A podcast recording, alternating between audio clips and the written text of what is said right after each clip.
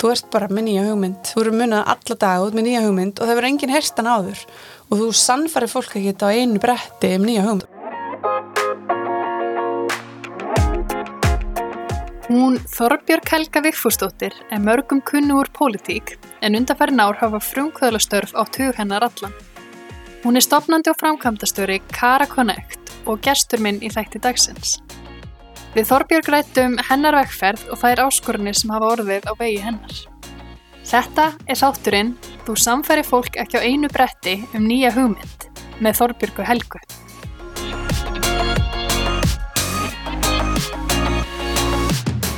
Velkomin Þorbjörg. Takk fyrir, gaman að heita þig Svömmi leiðis. Hérna, ef við vindum okkur bara í þetta, Mhm. það væri til ég að heyra smá um þig og þína vegferð. Já, þú ætlar að taka bara allan þáttin í þannig um, Ég er sem sagt námssálfræðingur að ment með svona þroskasálfræði áherslu og stúdiraði mjög mikið hvernig börn þroskast og heila þroski átt sér stað. Og svo kom ég heim og var frangöndstjóri eða verkefnistjóri hjá Auðikrafti Kvenna sem var svona frumkvölaverkefni fyrir konur og kennari í Háslum í Reykjavík og svo fór ég og var aðstofmaður Þorkjara Katrínar þegar hún var mentmálar á þeirra að því að ég var alltaf með einhverja svona sterkari ætlæskemmt fyrir skólamálum. Bara alveg frá að ég var lítil að þá var ég alltaf að spyrja af hverju að læra þetta? Og hafði bara einhvern svona grunn áhuga á þessu sem ég sá nú ekkit fyrir setna meir okkur einhvern veginn blundaði í mér. Þannig að það var rosalega gaman að vinna með Þorkjörði en ég sá að ég þurfti að gera meira og bauð mig fram í borgastjórn og var þar í 12 ár og alltaf með áhuga á skólamálum en ég var líka í menningar og ferðamálráði og svona stjórnum eins og orkveitunni og sorpu og strætó og hafði svona rekstrar áhuga. Og svo er ég svona tækni nörd aðeinsfæri þó forriðrættin hjá mér í dag hlægi stundum að mér. En þegar ég fór úr borgarstjórn og hætti að þá stopnaði ég fyrirtæki með Tinnu Sigurðardóttir sem heitir Trappa. Tinna er talmennafræðingur og við byrjuðum að þjónusta börn út á landi í skólum í gegnum netið. Og við vorum þannig í eitt ára stúrstast þessu og sáum hvað við vorum að leysa mörg svona vandamál á milli kerfa. Hver átti að sjá um þetta batn og rannarkvort ríkið eða sveitafélag hver átti að borga? Hvar lág ábyrðin og oft voru þessi flækjusteg að hindra bara það að börn fengi þjónustu og voru líka bara að búa til rosa aukaverkefni fyrir þessa fagmenn sem eru rosalega dýrmættir og er alltaf bylist eftir. Þannig að við sáum fljótlega að það þurfti að búa til betra tölvikerfi og fórum þá breyttum sagt, eru tvö fyrirtæki annað við Kara Connect og var þá hugbúnaðurinn á bakvið tröppu eða þjónustu þeirra og var svo til staðar fyrir aðra fagæðala og núna er við með um 2000 sérfræðinga sem að nota köru sumir nota bara til að halda utan um bókanir aðrir bara reikninga. Sumir nota þetta bara alfarið fyrir allan reksturinn sinn. Sumir bara til að skrifa dagnótur svona örgar dagnótur þegar fólk hittist face to face eins og við erum að hittast.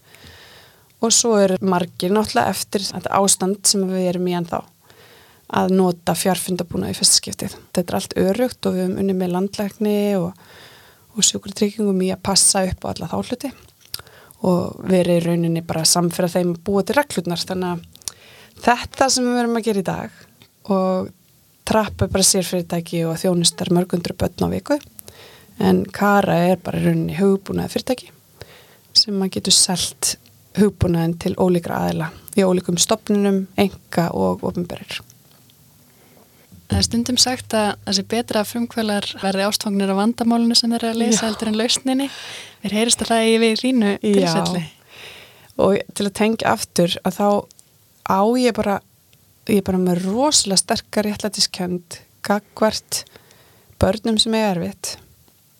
Og mér finnst að ekkert eigi að komast fyrir heldur en að koma því áleiðis þessu barni. Og það er hagsmunir allra í húfi samfélagsins og þeirra og því meður er við bara með of lítið af upplýsingum um árangur og yfirsýn yfir hver gerir hvað og, og ég bara man eftir sko svona það sem ég man helst eftir úr að hafa verið í borgarstjórn voru samtölu fóreldra sem voru algjörlega niðurbrotnir og búnir að fara á alla veggi kerfisins. Og samt eru allir sammálum að passa þessu börn, um að vera eitthvað sem allir stjórnulflokkar er sammálum og það er þá þetta. En samt vorum við ekki að gera nóg vel og svo hinbóin vorum við að setja rosalega mikinn pening í þetta kerfi en við vissum ekki hvort það virkaði. Ef þú hugsaður um barnið þá vildi ég vita, fjekka einhverja barni stuðningin sem ég var að borga fyrir? Og leta á fóldrunum, leta á samfélaginu ef talmennafræði mér hugleikin og gast hjálpaði að tjá sig þá veistu bara að bjarga lífimarkara inn í samfélaginu. Og þetta er svona grunnvandamáli eins og þú segir sem að ég er að glíma við alltaf og ég er ekki múin að lesa þetta en með góðu fólki þá getur við tekið skref.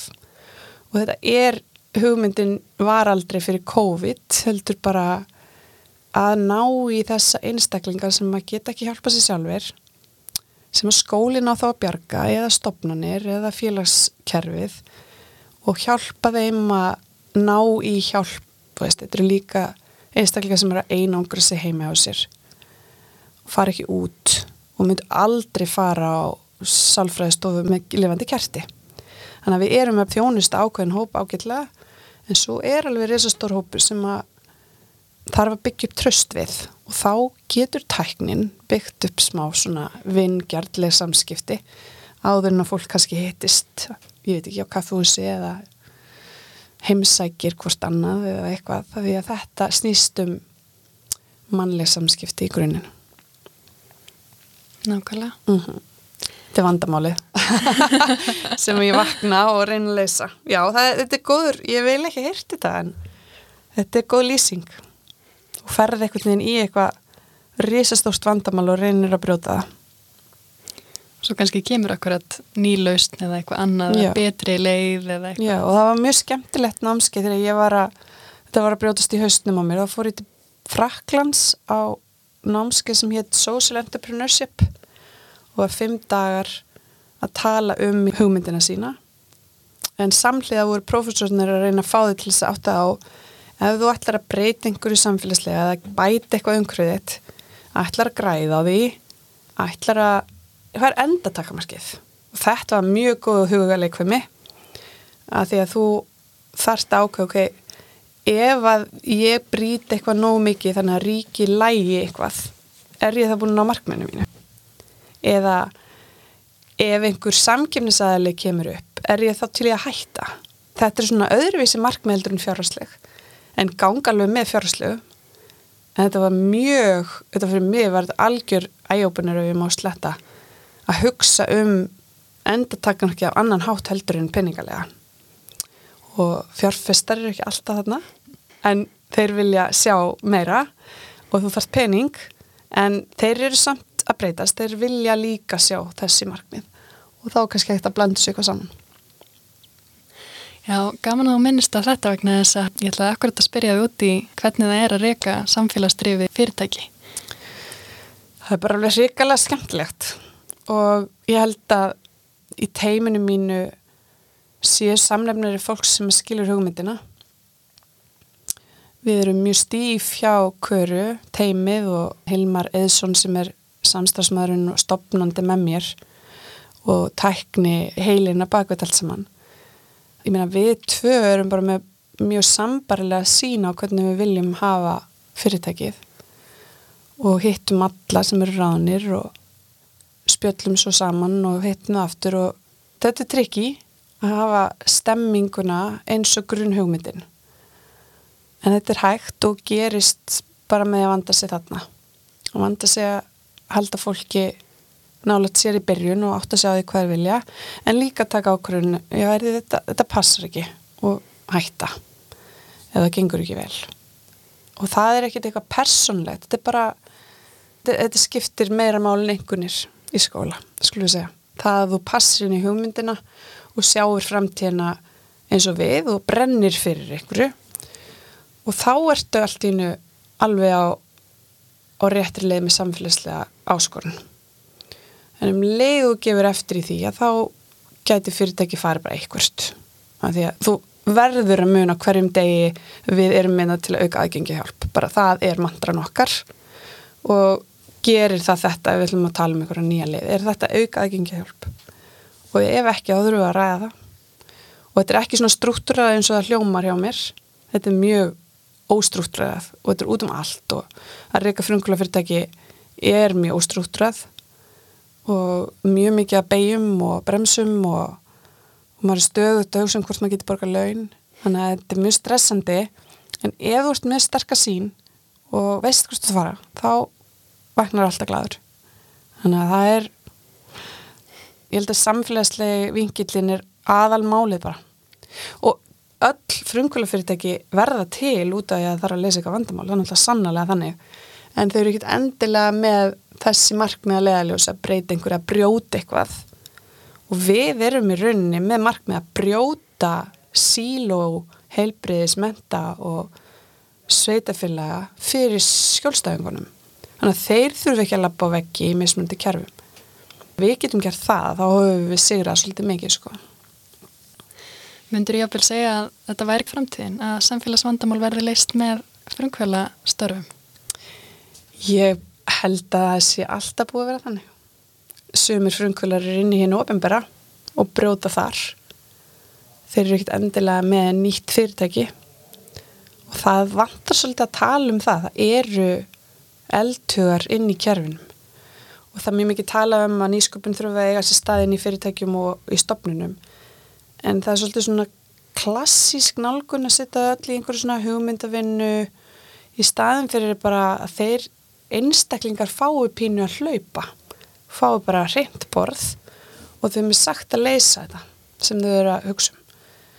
Þetta er oftast svona aukaverkefni en kvöldin um helgar. Nýsköpun og að brjóta hluti er ekki aukaverkefni, það er risaverkefni.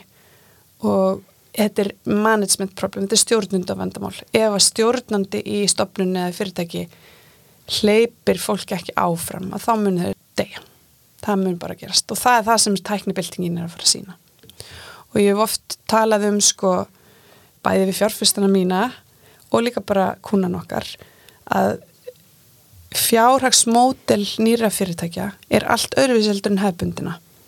Að því að nýju fyrirtækin eru að hugsa um tæknibildinguna og þetta er nú kannski óþara að pilla á Æslandeir ofan í allt en flugfélögur er ennþá í gamla módelinu. Þú samt, Alma, þegar þú hérna allar að breyta flug með það, þá þarf þú að gera sjálf á netinu. Þú lokkar þinn og borgar 40.000 til að breyta meðan einum en þú veist alveg að það kostar ekkert. Þetta er ennþá rosalega ríkjandi. Þetta er gamla, þú ert rukkaður fyrir það sem áður var starfsmæður sem breyti með hann.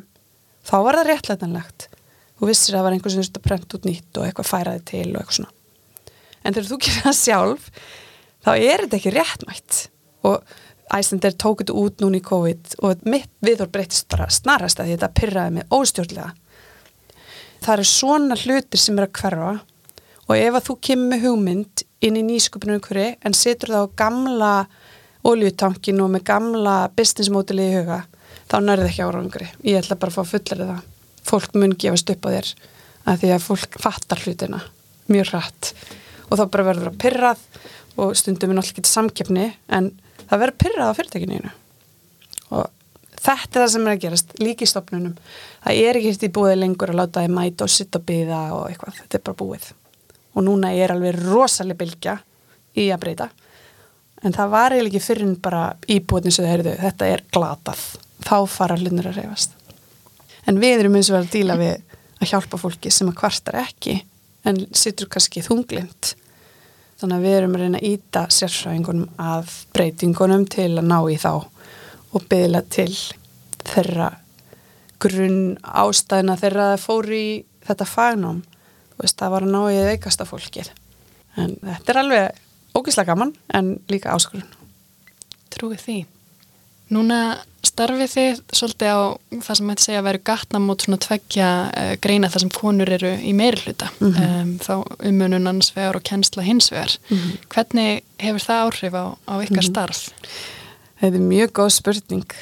Eiginlega er ég að hugsa mjög mikið um þetta þessa dagana. Ég svo sem hef talað um þetta allan tíman, þessi störf sem við erum að hjálpa í stafrætni breytingu og byltingu eru í 70-90% tilfella konur. Og ef maður myndi segja að fimm ára háskólanám til jafns við lögfræðinám ætti að vera að pari í launum að þá er langt í frá.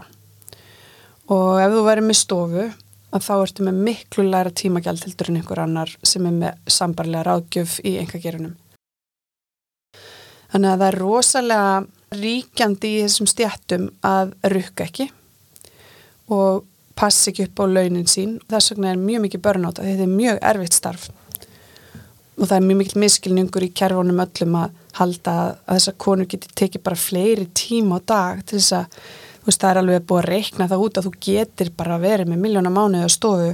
En minn, þú ert algjörlega úrvindi að allar ná þessum tölum. Þannig að það eru rosalega fáir búin að vera einbætisraði að skoða hvernig þessi störf funkara hvaða er mikið af tíma hjá þeim sem fer í tekjulöst að skrifa skíslur og gera eitthvað sem tæknin er búin að leysa. Í staðan fyrir að reyna einbætisræði að það er fá tekjur fyrir þetta. Og þetta er svolítið no-no.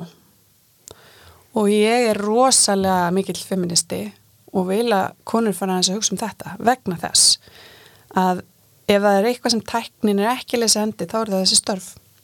Og það er rosalega eftir spurning í dag og hún er að fara að aukast um að meðaltali 20% næstu fimm árin. En hræðslan mín er að ég kannski genga aðeins út fyrir svona ramman hér en sko Uber bílstjórar þeir sem hafa fylst með hvað gerðist í Uber bara allt í nú voru þeir allir hver sem er fara að keira og þeir fengur bara læri laun og tekja af þeim meira. En svo voru einhverju uppi með tölvukerfi sem bara hyrstu allan mismunin. Og ég hef aðeins ágjörðað því að þetta getur gerst ef að konur passa sér ekki að það verði bara til svona einhverjar teknin er komin og það verði til bara svona stöðvar þar sem að þær fá bara 70% launum sínum og einhverjar aðri taka millið. Og ég er bara hvað eru konunar sem er að byggja þetta upp?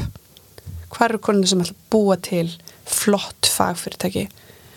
Og hugsa eins um að þetta sé þeirra törf og þeirra kunnotta og bara ég eru mjög hálmís að ekki býð eftir einhverju kallar sjá þessi tækifæri og ráða þær í vinnu búa til öðruvísi fyrirtæki það sem er fagleg samstaða og framþróun og sérstaða og nýta sér tæknina Marga Pól er oft talað um þetta vinnukonur samfélagsins það þarf að tala um þetta bara ég get ekki einverið í því en það þurfa fleiri konur að fara að áarpa þetta að mín mati Og svo er spurningin sjálf hvernig það er að vinna með þeim.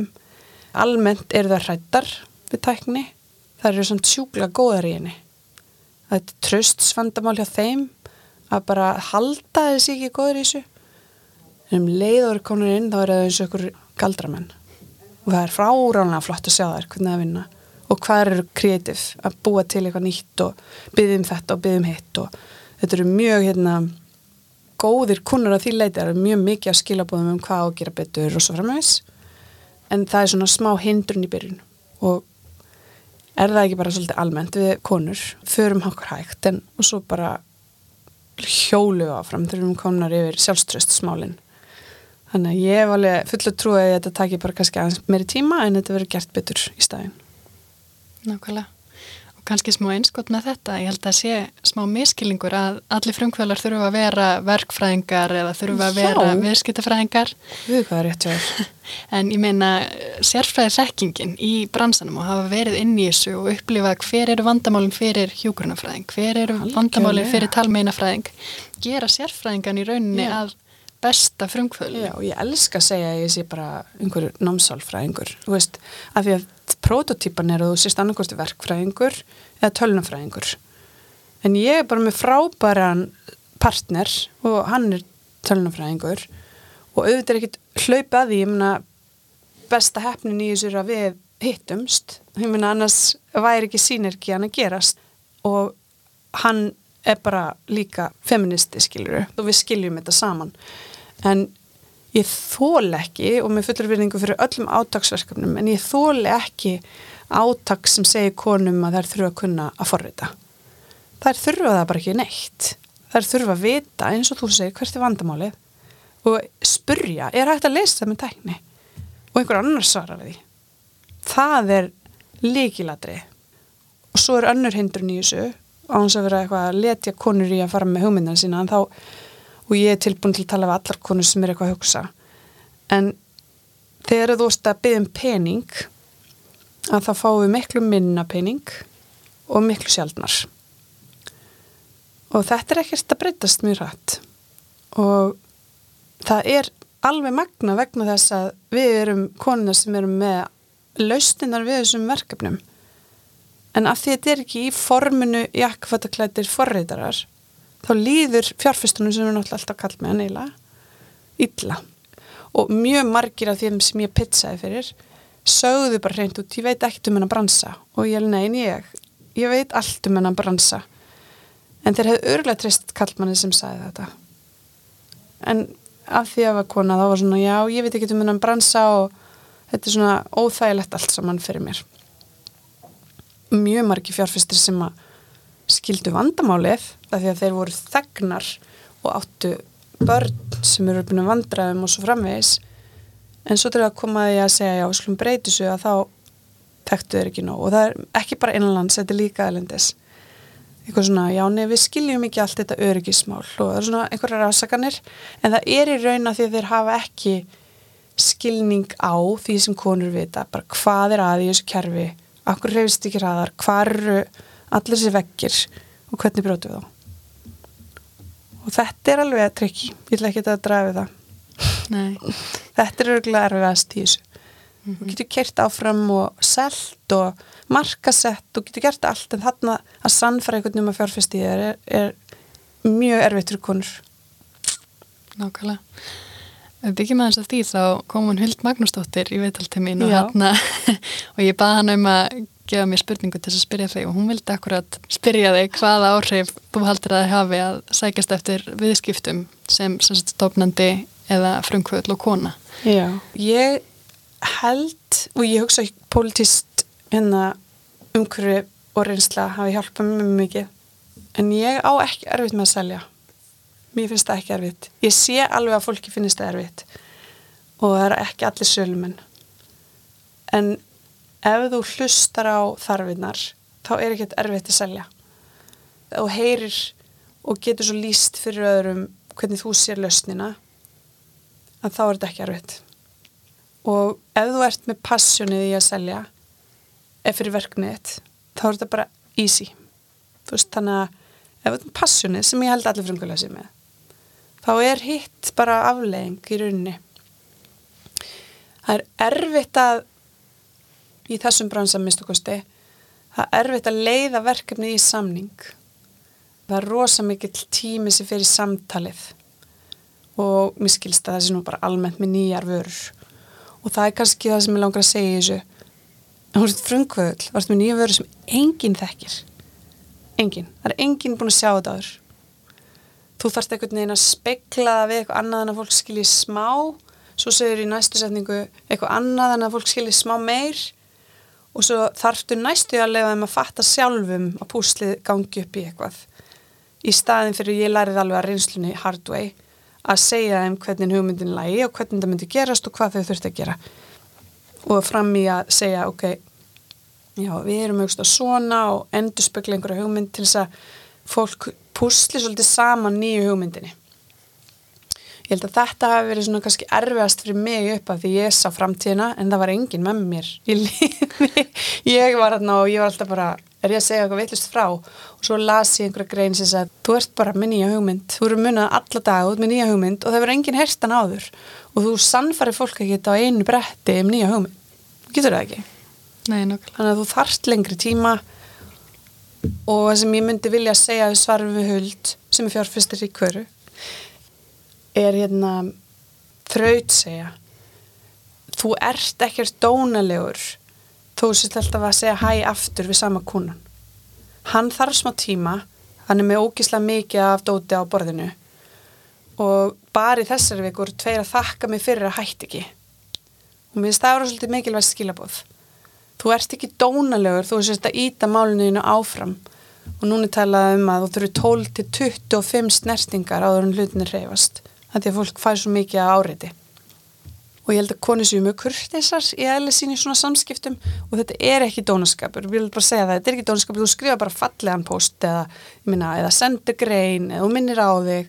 Þessi sölumennska er byggjum tröst og það má alveg gera það með endalusum samskiptum, þú ert ekki dónulegur þú sendir marga e-maila. Og það er heldur svolítið svona sem margi klikka á bara nei, ég er búin að senda þrísars og svo þó ég sé að selja tækni þá er símin ótrúlega upplöft tæki. Ég elskar þetta ráð. Já, og að því að við höfum aðeins talað um þetta snertinga á Messenger er eitt og snertinga á e-mail er annað þetta eru ólík form. En símdal getur stundum skipað yfir eitthvað og bara heyrðu, eigum við að touch base aftur tvær mínútur í símtali annar fundur komin á í staðin fyrir að senda e-mail og segja getur við hist aftur? Og það er miklu réttlætanlegra fyrir einhvern að gleyma því og það er ekki dónaskapur eða neitt en það bara gerst en símdali er svona hæ hérna og er erfið að segja nei við þig. Það er til dæmis mjög mikilvægt. Þannig að það er alveg svona sálfræðir rannsóknir sem segja sko. Þetta er svona mismunandi auðvelt að segja nei á mismunandi samskipta áttum Nákvæmlega En nú hafið því hjá Köru náða að sapna talsverðu fjármagni og úr mismunandi sjóðum svo les Já. og meðal annars fengi styrk úr tækni þróunarsjóði. Já. Hverjir eru svona leikladnir að þessum árangri? bara ókslega mikil vinna það er engin eitt líkil það er bara tala um þetta ókslega mikið við vinu og vandamenn drepa á leðendum til að fá feedback og orða hlutina og stöðu út hund, bara tala um þetta við hundin bara þegar þú orðar hlutina þá breytast þeir og gangi ekki upp og svona. Þú þarfst að hitta mjög marga fjárfest áður en þú neglir pizzið þitt og þú þarfst að gera ráð fyrir því að fyrst tíu pizziðin séu léleg. Þannig að ekki hitta flottustu fjárfestina þá. Þetta er æfing og vinna þetta er rosa basic.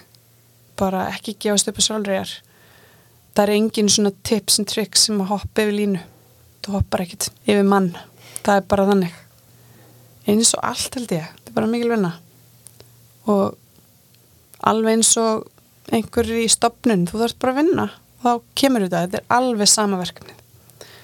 Ég held kannski að eina varandi fjárfesta er að hérna, vera ekki að tala við á rétt á hann og vanta penning tala við á jæmt og þjætt og eiga með þeim Skype-fundi korter til að segja um hvert stödd og svo segja þær alltaf í, lokin hvað er það sem þið vantar. Og við bara nei, ég ætla bara að segja þér stöðuna. Og þeir eru svolítið óvanir þessu finnst mér. En ég held að þetta sé mjög mikilvægt þegar halda þeim svona eins nærið þér. Þó þú myndir aldrei fá pening frá þeim en þeir tala um þig og þannig að smátt og smátt dreifist þetta. Það tala um að við sem búin að fá mikið pening en svona í ljósi verkefnisins að þá erum við líka búin að leggja alveg rosalega mikla aukavinn á okkur til að komast á þennan stað. Bara allt teimið er búið að vinna af sér rassin í fimm ár. Og það er líka peningur. Það voru að muna fjárfistar komið með raunverulega peninga en frumkvöldinni koma með tíma og gefa mjög mikið tíma. Og ótrúlega margir sem að í samfélaginu hafa verið mjög gjafmildir fyrir okkur í alls konar málum. Og það er kannski líka hlutaði bara þú ert ekki að fara að ná þér í enga kokk sko, þú ert bara alltaf að spara. Og fjárfyrstarnir koma með meiri pening þegar þeir sjá að fyrirtæki er ekki vel. Þeir gefast svona smátt smátt upp á því ef að þú veist, ef þú ert í einhverju lægða að hérna, það er að eyða umframöfni í rauninni. Þannig að þetta er bara eins og held í flesta reglur í lífinu. Nákvæmlega. Bara svona lókum, ertu kannski með einhver ráðst þá sérstaklega fyrir konur því þú minnist á það áðan að það eru svona ákveðna áskorunir. Já, Já ég myndi svolítið verið að segja að klappið sjálfur ykkur aðeins á bakið og segið við sjálfur ykkur hvað, hvað er ég reglulega. Það er enginn sem gerir það nema þið. Það verður að fara í göngutúr reglulega og segja býtu, herri, ég er búin að gera þetta og ég er búin að gera þetta og ég kann þetta ógustlega vel. Og þegar það er góði fundur og þetta bara fara út og bara, herri, þetta geggjaði fundur hjá mér. Af því að annars við erum svo rosa duglegar að segja að þetta er ekki nóg. Ég held að séum ég held að sé svona stærsti veikleikin okkar og ég er alveg included. Vist, alltaf bara meira, meira, meira. Og ég hef verið alltaf lengi aðgitra fyrir því að konur fara ekki meira nám alltaf. Bara þeir eru búin að læra ókslega mikið. Og þeir eru komið reynslu skiptið frekar um vinnu og fáið nýja reynslu heldur en að fara í nám. Og nú er ég talsmaður náms en ekki fara í margar masterskráður og hugsið eru þau ég ætla bara að pröfa eitthvað alveg nýtt sem er einhver annar, annar heimur held, það er bara jafnvel miklu dýrmætari nám. Að því að framtíðin byrja skauti sér mannesku sem hugsa á skapandi hátt úr mismöndi áttum til að geta list svona vandamál sem eru flókin á milli kerfa. Ég held að það sé mjög mikilvægt mál að kunna á margt, ekki vera fastur í einni einu starfi. Nákvæmlega. er eitthvað sem þið langar við að bæta? Nei, bara gangi ykkur vel og ef þið eru með hugmynd sem fer ekki úr maganum, þá eigið þið að prófa frekar en að sjá eftir því. Nákvæmlega. Mm. Frábært, Mm. verði. Takk kærlega fyrir komuna. leis, gangi ykkur vel. Takk og sem leiðis. Bless. Bless, bless.